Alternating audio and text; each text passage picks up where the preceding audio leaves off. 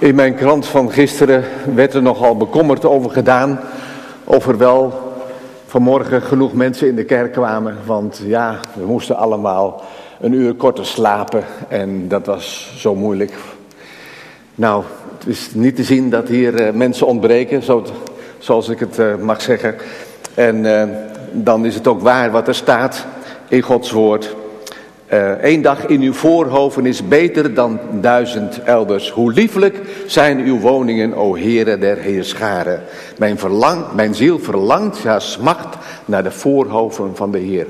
Geweldig dat we zo samen mogen zijn. Samen de lof van Gods naam mogen zingen. Samen ons uh, mogen laten vormen naar het beeld van de Heer Jezus Christus. Ook in deze dienst weer. Um, ik wil met u gaan lezen uit het uh, Leidensevangelie, Lucas 9. Lucas 9 en vanaf vers 28 gaan we lezen.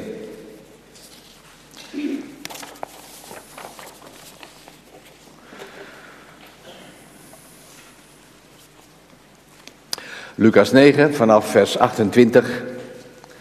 Ik lees voor uit de NBG-vertaling van 1951. En het geschiedde ongeveer acht dagen na deze woorden dat hij Petrus en Johannes en Jacobus meenam en de berg opging om te bidden. En het geschiedde terwijl hij in het gebed was dat het aanzien van zijn gelaat anders werd.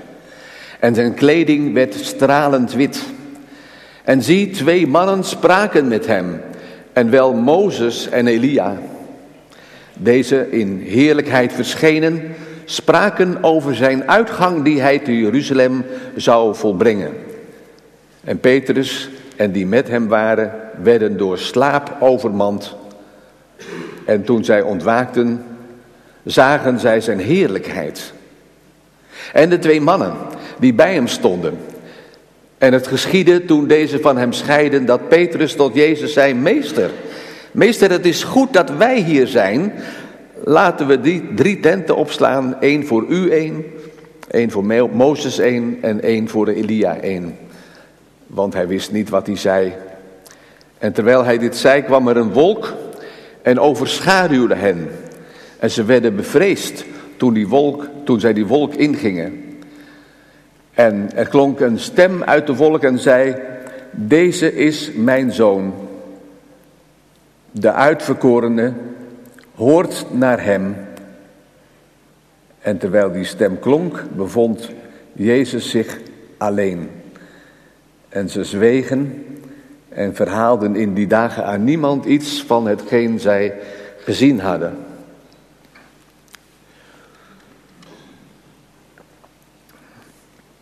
Als een mens iets heel verheugens meemaakt, en daar geweldig blij van is, dan zeggen we ook wel dat je dan in de wolken bent. Dan kun je huppelen van vreugde, want je bent dan overspoeld door een intens gevoel van gelukzaligheid. Je bent dan echt in de wolken. In die geschiedenis van de verheerlijking op de berg speelt een wolk een hele voorname rol. En uit die wolk klonk Gods stem, die zijn zoon aanwees als de verkorene. En dit was voor de Heer Jezus zo'n moment van gelukzaligheid. Namelijk de erkenning van zijn Vader in de hemel. Letterlijk en figuurlijk was Jezus op zo'n moment in de wolken. Ja, al even eerder was Petrus in de wolken toen hij daar drie mensen zag op die berg. Drie mensen die voor hem heel belangrijk waren. Mozes, Elia en Jezus. Het kan voor hem niet op. Hij is er ook van in de wolken. En Petrus, we kennen hem toch immers uit het Nieuwe Testament. Petrus, een warmbloedig mens, in de evangeliën komt hij ons tegemoet als een spontane, hartstochtelijke persoonlijkheid met het hart op de tong. Hij is heel expressief En hij roept bij ons ook nog steeds vandaag allerlei gevoelens van sympathie op. En de manier waarop wij hem hier ontmoeten heeft ook iets ontwapenends. We moeten er ook een beetje om glimlachen om die Petrus. Het doet toch een beetje potsierlijk aan hoe Petrus dan drie tenten wil maken. één voor Mozes, één voor Elia en één voor Jezus. En dan brengt hij dat op zo'n zo'n zo'n aparte manier onder woorden. Dan zegt hij, Heer het is goed dat wij hier zijn. En dat wij iets aan deze situatie kunnen doen. Want ja, er moeten toch eigenlijk drie tenten komen. Voor u één, voor Mozes één en voor Elia één. Petrus, de practicus. Ik las van de week in een schriftverklarend commentaar dat dit een onzinnig voorstel is, belachelijk van naïviteit. Het maken van de drie tenten. En ik denk dat wij het oordeel over Petrus wel ergens zullen herkennen en beamen. Maar het maakt hem niet minder sympathiek voor ons. Je wordt door de impulsiviteit van deze Petrus wel ingenomen voor deze man. Met zijn verlangen om dat moment vast te houden. Petrus wil dat moment koesteren en bewaren. Hij wil dat moment prolongeren. Dat mag niet zomaar voorbij gaan. Dat moet voortduren en niet ophouden.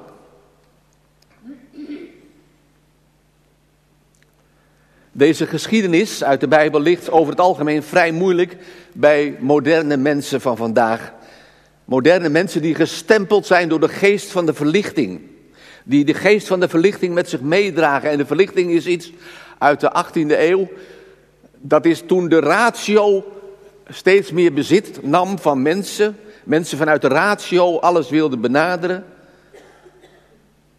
En in de tijd van de verlichting, waar we nog steeds ook in zitten, is het heel lastig om met dit soort verhalen bij rationeel ingestelde mensen aan te komen. Die zullen dat verhaal meteen kenmerken en typeren als iets legendarisch of als iets mythisch. Het kan niet waar gebeurd zijn.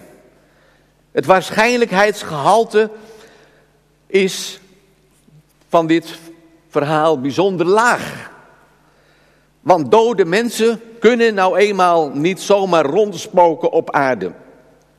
En zelfs een bijzonder mens als Jezus kan niet zomaar van het ene op het andere moment licht geven.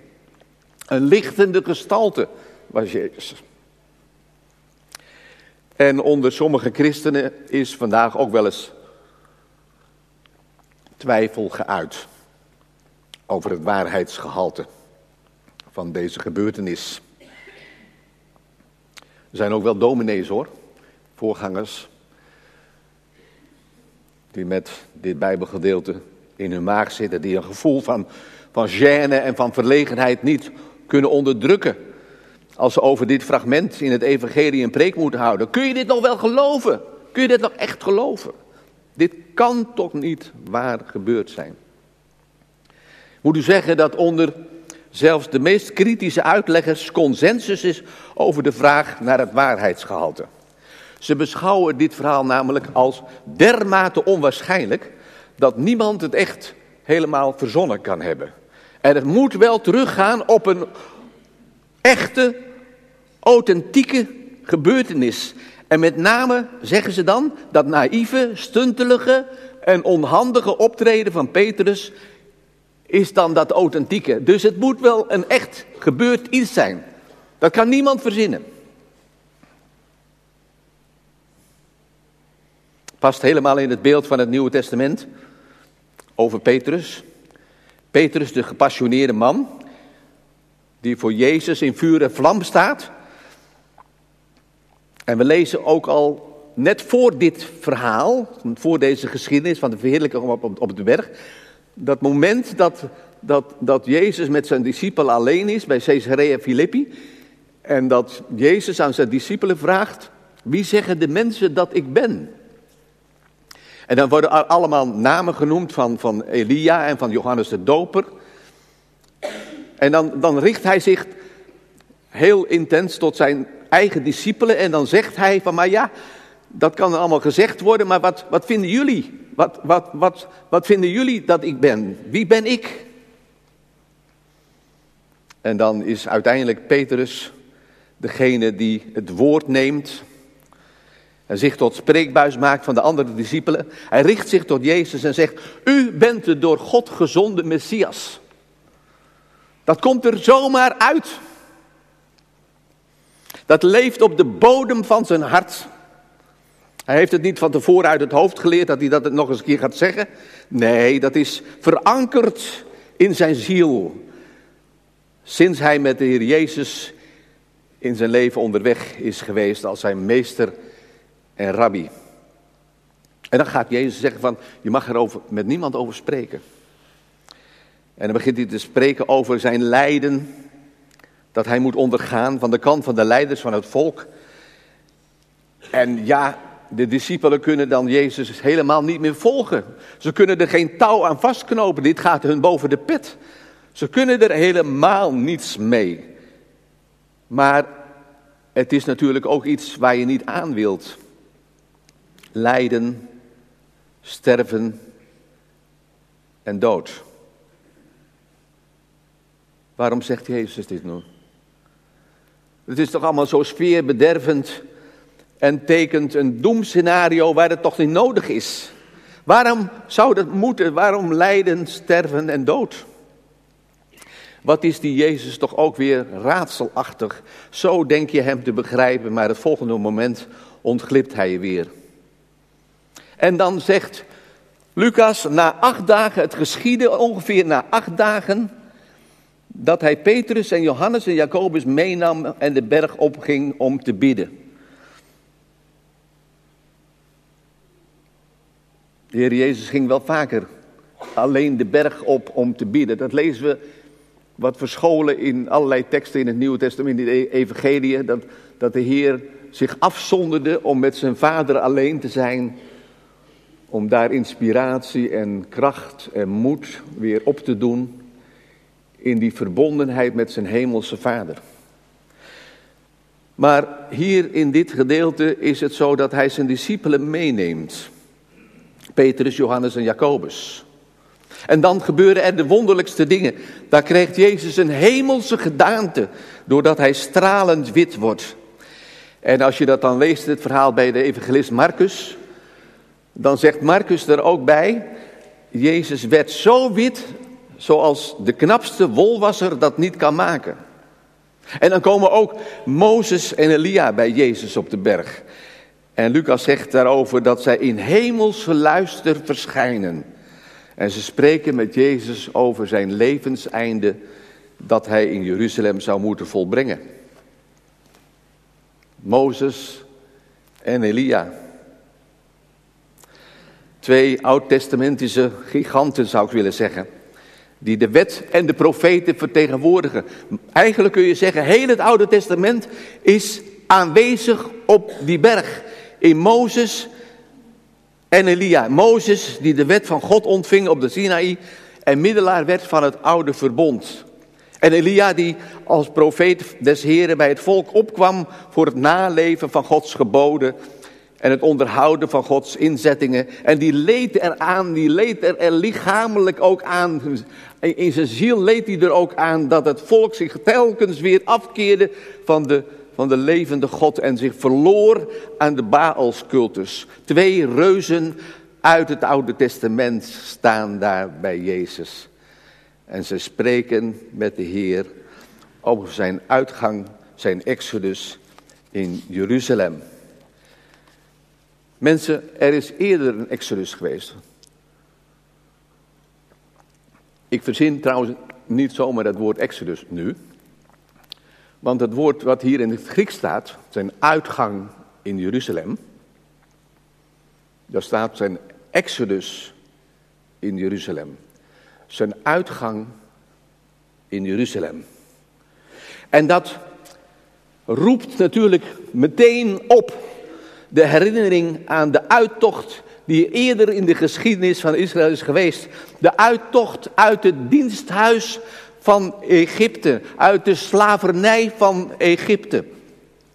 En nu staat er dus een nieuwe uittocht op stapel. De uittocht uit het diensthuis van de slavernij van de zonde en van de dood.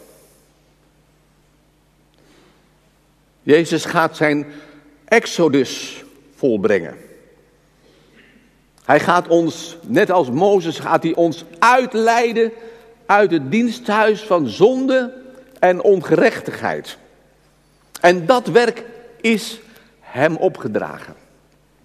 Er is geen mens die dat kan volbrengen, alleen Jezus. Hij moet de pers alleen treden. Voor dat moeilijke werk staat Jezus alleen.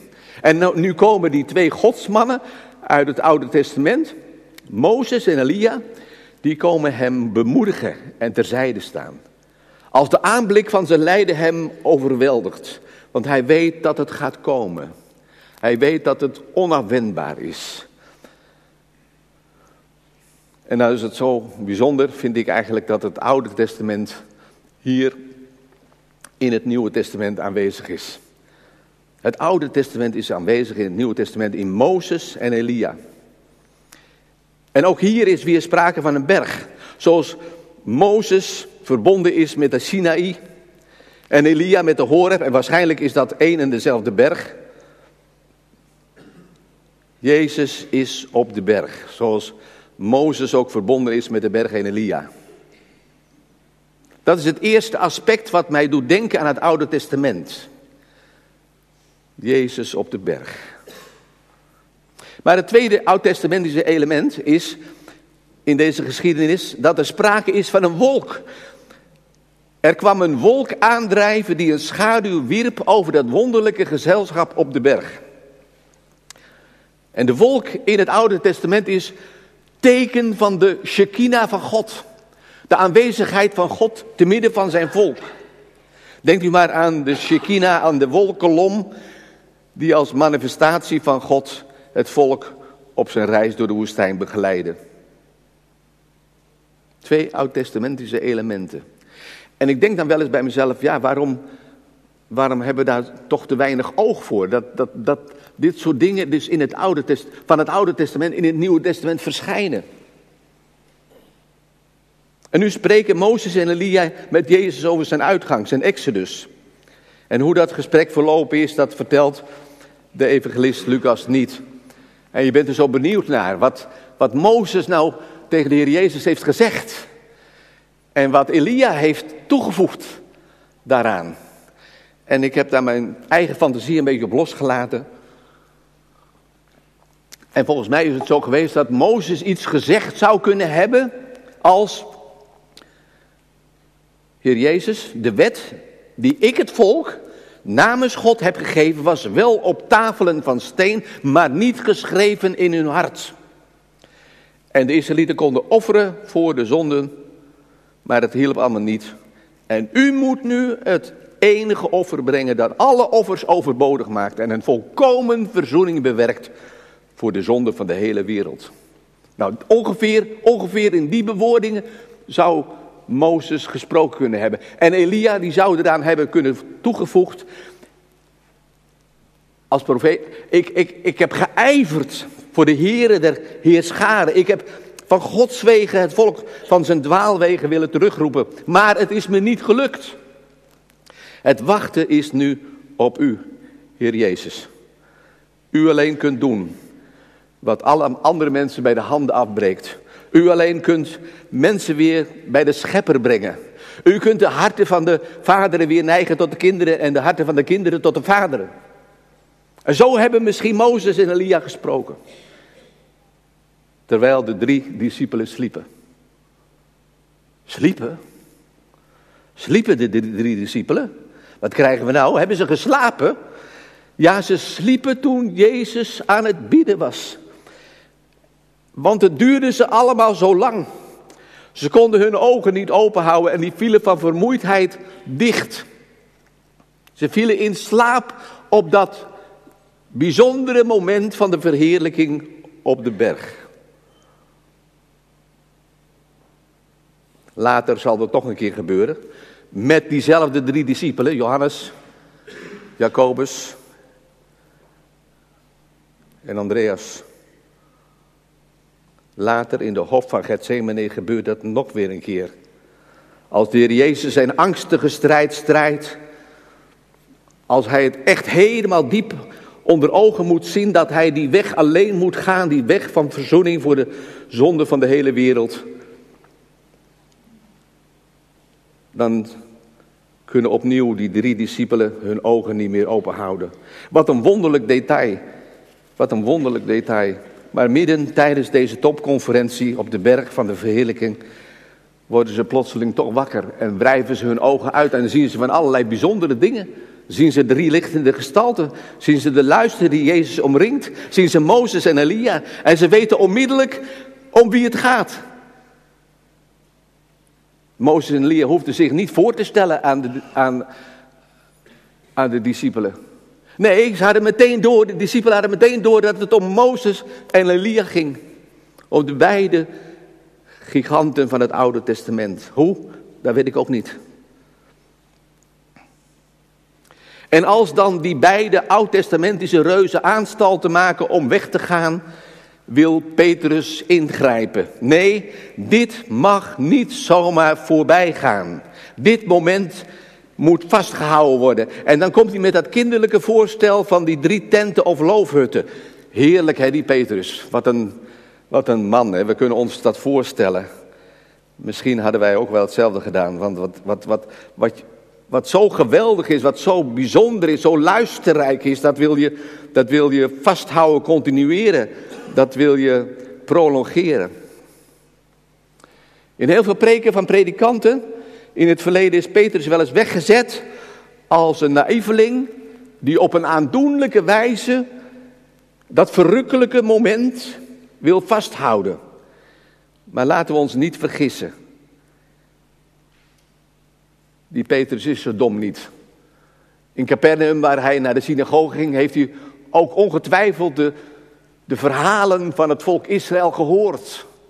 Heeft u gehoord van al die gebeurtenissen die in het Oude Testament hebben plaatsgevonden? En heeft u ook ongetwijfeld gehoord dat Mozes op een zeker moment ook op de berg was? En dat Mozes de stenen tafelen van God kreeg. En dat Mozes veertig dagen is weggebleven. En toen dacht Petrus met zijn praktische geest van, hé, hey, maar daar moet ik wel even op anticiperen. Als de Heer Jezus nu ook 40 dagen hier met Mozes en Elia wil doorbrengen, dan moet er wel iets gebeuren, dan moet er wel iets komen. Voor de hitte van de dag en de koude van de nacht, dan moet er, een, moeten er drie loofhutten komen waar bescherming is. Dus dat heeft hij uit het onderwijs in de synagoge helemaal opgevangen. En dus is dat plan van Petrus helemaal zo gek nog niet. We hoeven ons dus helemaal niet af te vragen of Petrus zo'n raar voorstel deed. En we ook niet vervuld te raken met een plaatsvervangende schaamte over die malle Petrus met zijn malle voorstel. Mensen, wat moet dat dan toch een geweldige ervaring zijn geweest voor de Heer Jezus, dat er een wolk was en uit die wolk de stem van zijn hemelse vader kwam. Dit is mijn zoon, mijn uitverkorene, luister naar hem. Weet u nog dat Petrus gezegd heeft, toen de Heer Jezus vroeg van, wie zegt de mensen dat ik ben en wie zegt gij dat ik ben? Dat Peter zei, u, u bent de gezalfde des Heren. U bent de gezalfde des Heren. U bent de Christus. En het is net alsof met die stem uit de hemel de beleidenis van Petrus wordt onderstreept. Deze Jezus is de Christus, is de uitverkorene. Dus trouwens het tweede moment dat God Jezus aanwijst als een zoon. Eerder gebeurde dat al bij de doop van de Heer Jezus. Toen er een duif op hem neerdaalde uit de hemel. En toen was er ook weer een stem uit de hemel die zei: Dit is mijn zoon.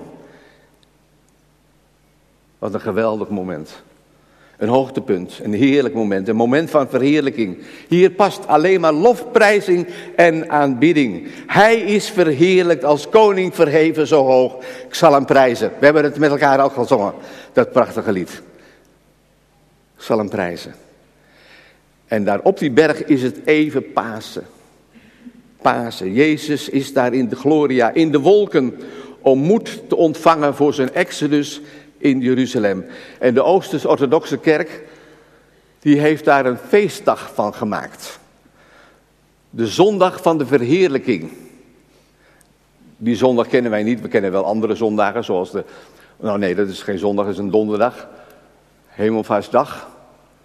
Hebben wij wel, in het Westen hebben we daar een feestdag van gemaakt. Maar in, in, het, in de Oosterse orthodoxie kennen ze dus de zondag van de verheerlijking.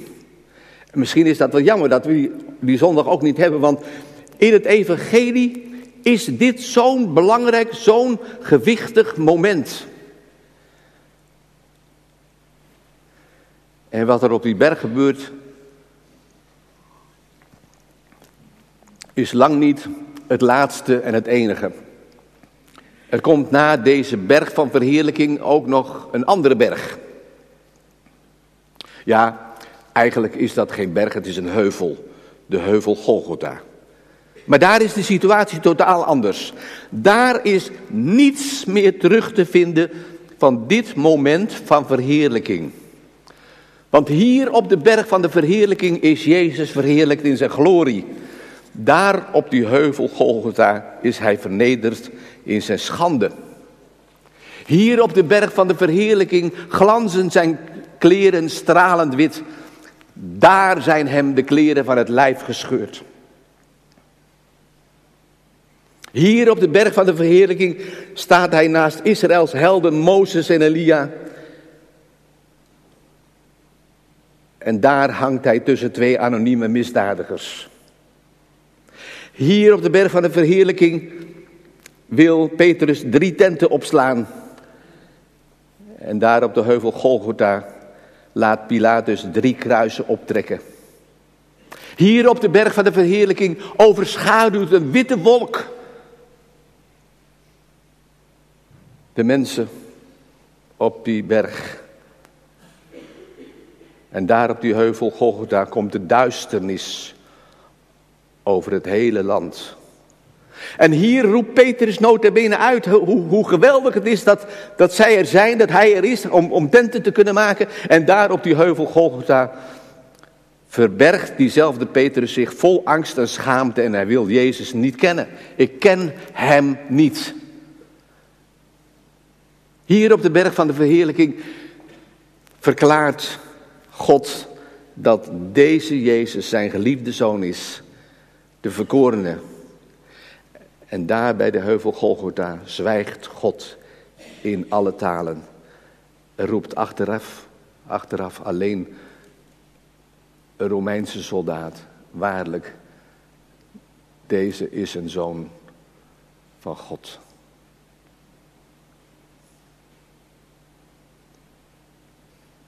Je kunt de berg van de verheerlijking niet loszien van de heuvel Golgotha. Ze staan in nauw verband met elkaar. Ze gaan over verheerlijking en over lijden.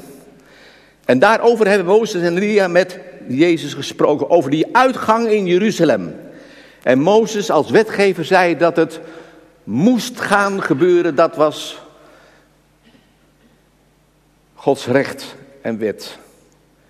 En Elia als profeet zei dat het zou gebeuren. Dit was de weg die Jezus zou moeten gaan.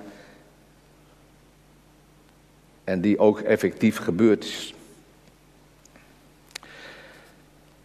Mensen, geen gebeurtenis in het leven van Jezus heeft Petrus meer veranderd dan deze. Dat verzin ik niet. In de beide brieven die wij van Petrus in de Bijbel hebben staan, 1 Petrus en 2 Petrus, staat er maar één verwijzing naar iets wat Petrus met Jezus heeft meegemaakt. En dat is de kwestie van de verheerlijking op de berg. En ik lees u voor.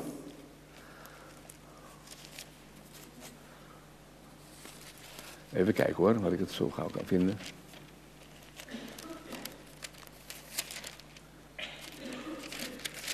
Nou, ik heb.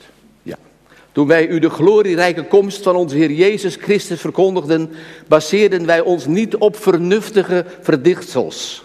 Integendeel, wij hebben met eigen ogen zijn grootheid gezien, want hij ontving van God de Vader eer en luister toen de stem van de majesteitelijke luister tegen hem zei, dit is mijn geliefde zoon, in hem vind ik vreugde. En die stem hebben wij zelf uit de wolk horen klinken toen we met hem op de heilige berg waren.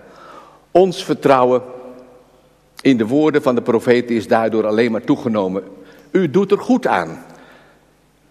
Altijd uw aandacht erop gericht te houden als een lamp die schijnt in donkere ruimte.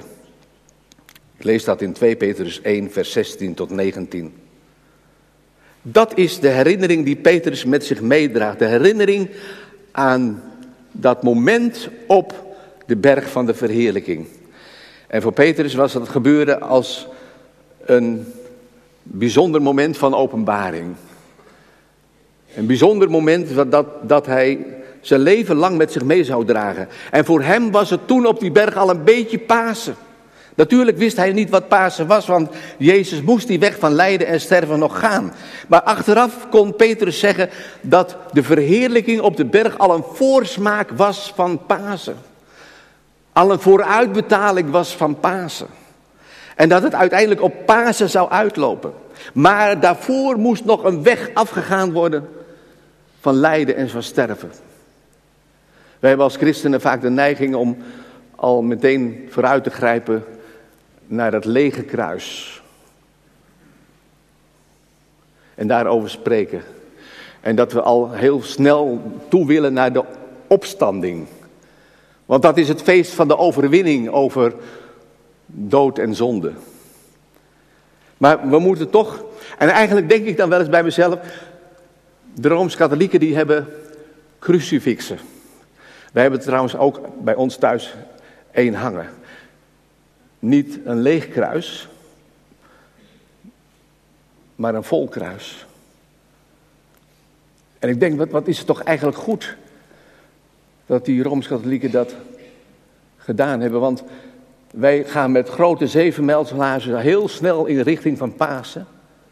Maar laten we niet vergeten dat Paulus ook zegt: Ik heb besloten om niets anders onder u te weten dan Jezus Christus en die opgestaan. Nee, dat staat er niet. Die gekruisigd. Laat eerst dat kruis maar wat vol zijn, voordat het leeg wordt. Laten we eerst maar eens doordrongen zijn van het feit dat het Jezus alles heeft gekost. Maar het wordt Pasen. De hemel is altijd al vol van Gods glorie geweest en de aarde zal dat ook eenmaal worden. Het is Pasen geweest in Jeruzalem en het wordt uiteindelijk ook een wereldwijd Pasen. Want eenmaal zal de gerechtigheid liggen over de hele aarde zoals de wateren de zee bedekken. En toen Jezus weer van de berg af kwam, stonden ze met elkaar weer midden in de aardse werkelijkheid. Een man met een demonische belasting kwam hen tegemoet. Ja, dat is de werkelijkheid waarin we in deze wereld leven. Met het hoofd al bij Pasen, maar met het voeten in de wereld waarin we staan. De wereld van Soudaan, de wereld van Somalië, de wereld van Nigeria. Ach, al die plaatsen waar zoveel wordt geleden. Jezus is gekomen voor dat wereldwijde Pasen. Daar heeft hij alles aan ten koste gelegd. En na Pasen van de hemelvaart, Pasen, hemelvaart, is er ook het gebeuren van de hemelvaart van de gemeente. En dan valt het me op, hè, als, als Paulus dan spreekt over de toekomst, in 1 Thessalonicense 4, dat hij dan ook zegt dat de gemeente wordt opgenomen en dat we op de wolken de Heer tegemoet gaan. Weer die wolken, hè? weer zo'n oud-testamentisch gegeven voor de toekomst. Wij gaan als gemeente op weg de Heer tegemoet in de lucht. En straks zal elk oog Jezus zien in zijn heerlijkheid. Daar zijn we naar op weg. Het zal er komen. God zal zijn. Alles en in alle. Mensen, wat een dag. Wat een dag zal dat zijn. Wat een heerlijke dag zal dat zijn. Altijd zullen we met de Heer wezen, zegt eh, Paulus. dan zullen we met de Heer wezen. Geweldig. Daar kunnen we zo naar uitzien. En dan kunnen we over bidden, de Heer Jezus, kom spoedig. Maar mijn vraag is erbij wel, want zijn we er klaar voor? Zijn we klaar voor die eeuwige heerlijkheid die we tegemoet gaan? Is er al iets van verlangen naar dat moment? En in dat verlangen mogen we gewoon bezig blijven. Met onze voeten op deze aarde staan. Met onze laarzen in de modder staan van ongerechtigheid, van zonde en verlorenheid. En dan mogen we de blijde boodschap brengen dat de Heer komt. Het zal er eenmaal van komen. En wij mogen er nu al van in de wolken zijn. Amen.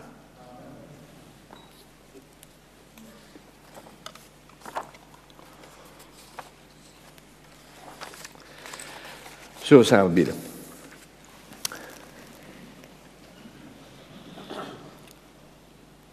Heer, wij danken u dat u niet teruggedeinst bent. U bent niet teruggedeinst van die moeilijke weg die voor u lag toen u vanuit het noorden die laatste reis naar Jeruzalem maakte. Want u ging uw exodus in Jeruzalem volbrengen, uw uitgang. Voor de nood en schuld van deze wereld, voor de zonde en voor de ongerechtigheid van deze wereld. Wij hadden als mensen nooit de kloof kunnen overbruggen. Maar u, Heer Jezus, u hebt het gedaan. Daarmee Gods recht en wet hebt u vervuld. We danken u voor dat gebeuren. Heer, we hebben vanmorgen twee bergen tegenover elkaar gesteld. Twee, de, de, de berg van de verheerlijking en de heuvel Golgotha. Hebben gezien hoe dat samenhangt met elkaar. En hoe er een diepe boodschap ligt in het, in het nauwkeurig lezen van de schrift. In het vergelijken van alles. Heer, we danken u voor de rijkdom van uw woord.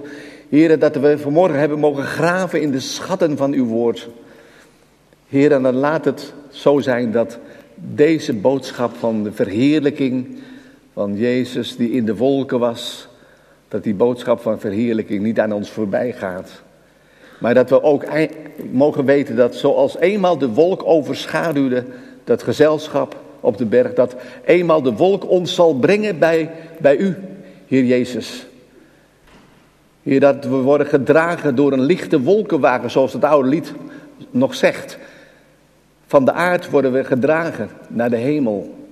Heer, wij danken u dat we daar naar uit mogen zien. Dat is, dat is geen wereldmijding, maar dat is hemelverlangen. Heer, omdat daarmee uiteindelijk uw werk vervuld zal zijn en de wereld ook wacht op de volleinding. Heer, dank u wel dat we daarin mogen geloven. Wilt u ons zo zegenen met deze woorden die vanmorgen hebben geklonken? Heer, wil ons opbouwen in ons geloof. Versterken in de liefde. En ons getuigenis naar de wereld krachtig maken. Omdat het een boodschap is van Jezus Christus en die gekruisigd. Amen.